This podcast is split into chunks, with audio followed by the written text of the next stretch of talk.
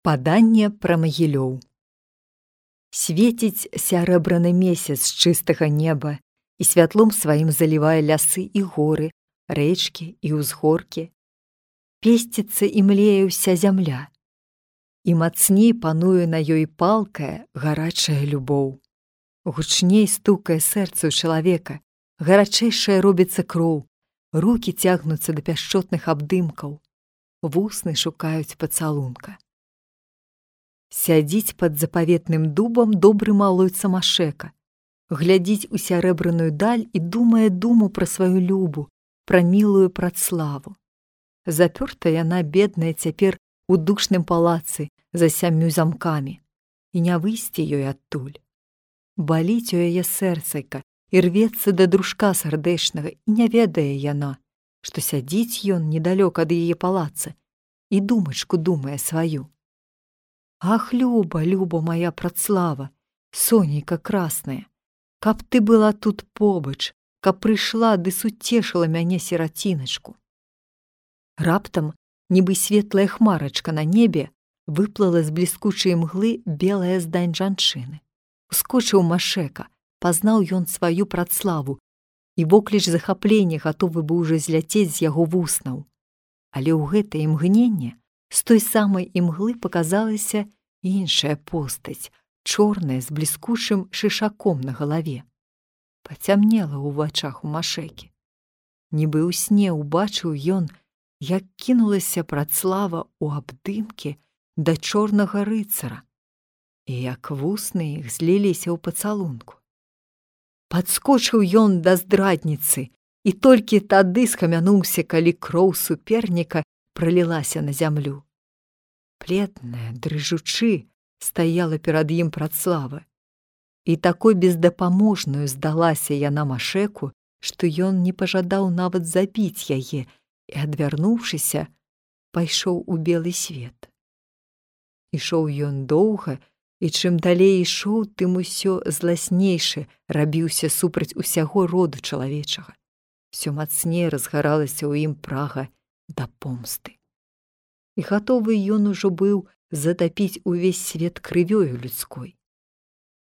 Так дабрыў да правага берага дняпра, да гваздоўкі, страшнага логава разбойніка гвазда.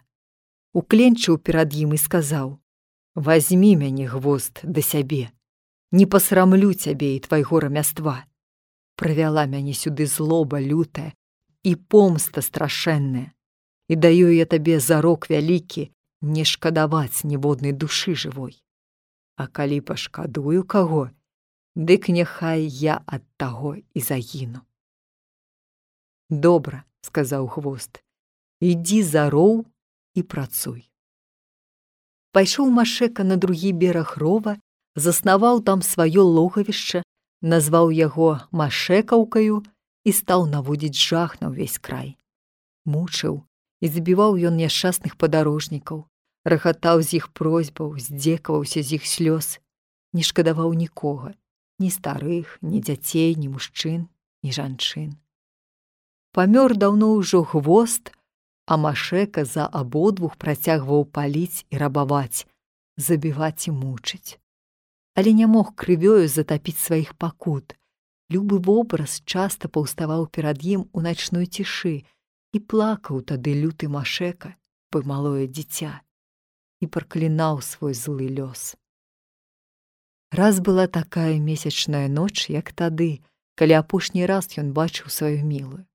Сядзеў машека на камені, журботна звесіўшы галаву на грудзі, лёгкі ветрык гуляў над пасівелымі яго валасамі, і слёзы адна за другою буйнымі дыяментамі падалі на зямлю і зліваліся з расою. Раптам пачуліся конскі тупат, галасы і шум, і праз хвіліну яго зграя прывяла двух новых палоннікаў. Як іх пакараць, пытаюць у яго малойцы.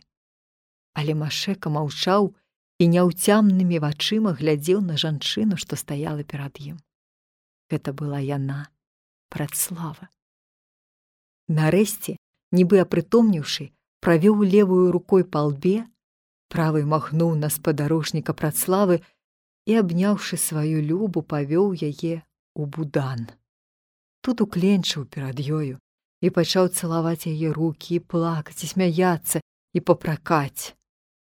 Не палюбоўніка майго забіў ты, сказала яна, а забіў брата майго, які быў пасварыўшыся з бацькам і патаемна са мною бачыўся. Але я даравала табе мой любы. Доўга я чакала цябе. Кінь свой страшэнны занятак і уцякаем. Уцякаем туды, дзе ніхто нас не ведае. Бяжым, бяжы, моя люба, бяжым заўтра, А сёння дай адпачыць з табою разам ад столькіх жахаў і пакут. Добра, сказала прадслава. Але нядоўга адпачываў машека. Толькі салодкі сон заплюшчыў яго павекі, як каварная люба уткнула яму з усмешкай у горла востры нож. Памры, сабака, прамовіла яна хоць і загіну ад тваёй подлай чэлядзі, але я ведаю, што адпомсціла табе за сябе і за ўсіх. Працлава не памылілася. Закапалі яе жывую разам з забітым ёю машекам, а насыпаны над імі курган быў названы магілаю льва. Адцюлі горад, які ўзнік потым на гэтым месцы, пачаў называцца магілёвам. На тым месцы, дзе цяпер стаіць магілёў, быў цёмны непраходны лес, які не прапускаў нават сонечныя праменні. Ад яго і дняпру было цесна. Дняпро ў той час быў шырокі і сярдзіты. У тым лесе жыў страшэнны разбойнік, якога звалі машэкам.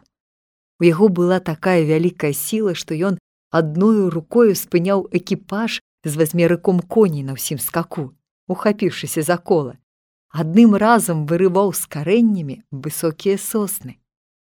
Хадзіў ён у мядзведжай шкуры поўсці ўверх.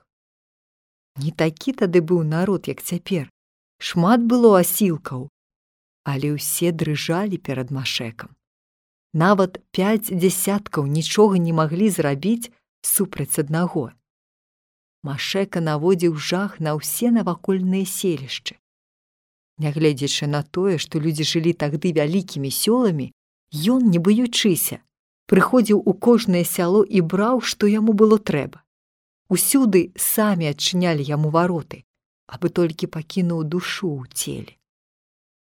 Не раз выходзілі супраць машэкі цэлымі палкамі, але ён жыў у такой непраходнай пушчы, што ніхто не знаходзіў не толькі яго бярлогі, але і дарогі назад, і ўсе або паміралі з голаду, або гінулі ад удару разбойніка.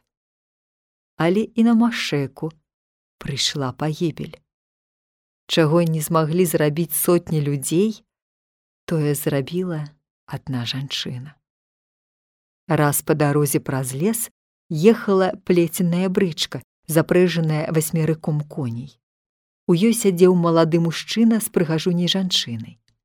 Тут з'явіўся машека за агромністай елкі, мігам спыніў брышку і ўраз забіў кучара, што той не паспеў нават азірнуцца. Мужчына, што сядзеў брыцы, бачыць, што тут кепскія жарты. Выхапіў шаблю і з усяго размаху стукнуў машеку па галаве, але шабля зламалася аб стальное шчацінне. А мужчына прырос да свайго месца ад аднаго ўдару разбойніка. Глянуўшы на жанчыну, Машека стаў як укопаны.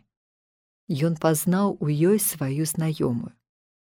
Гэта яна, адхіліўшы яго любоў, прымусіла машеку пасябраваць з буйным ветрам.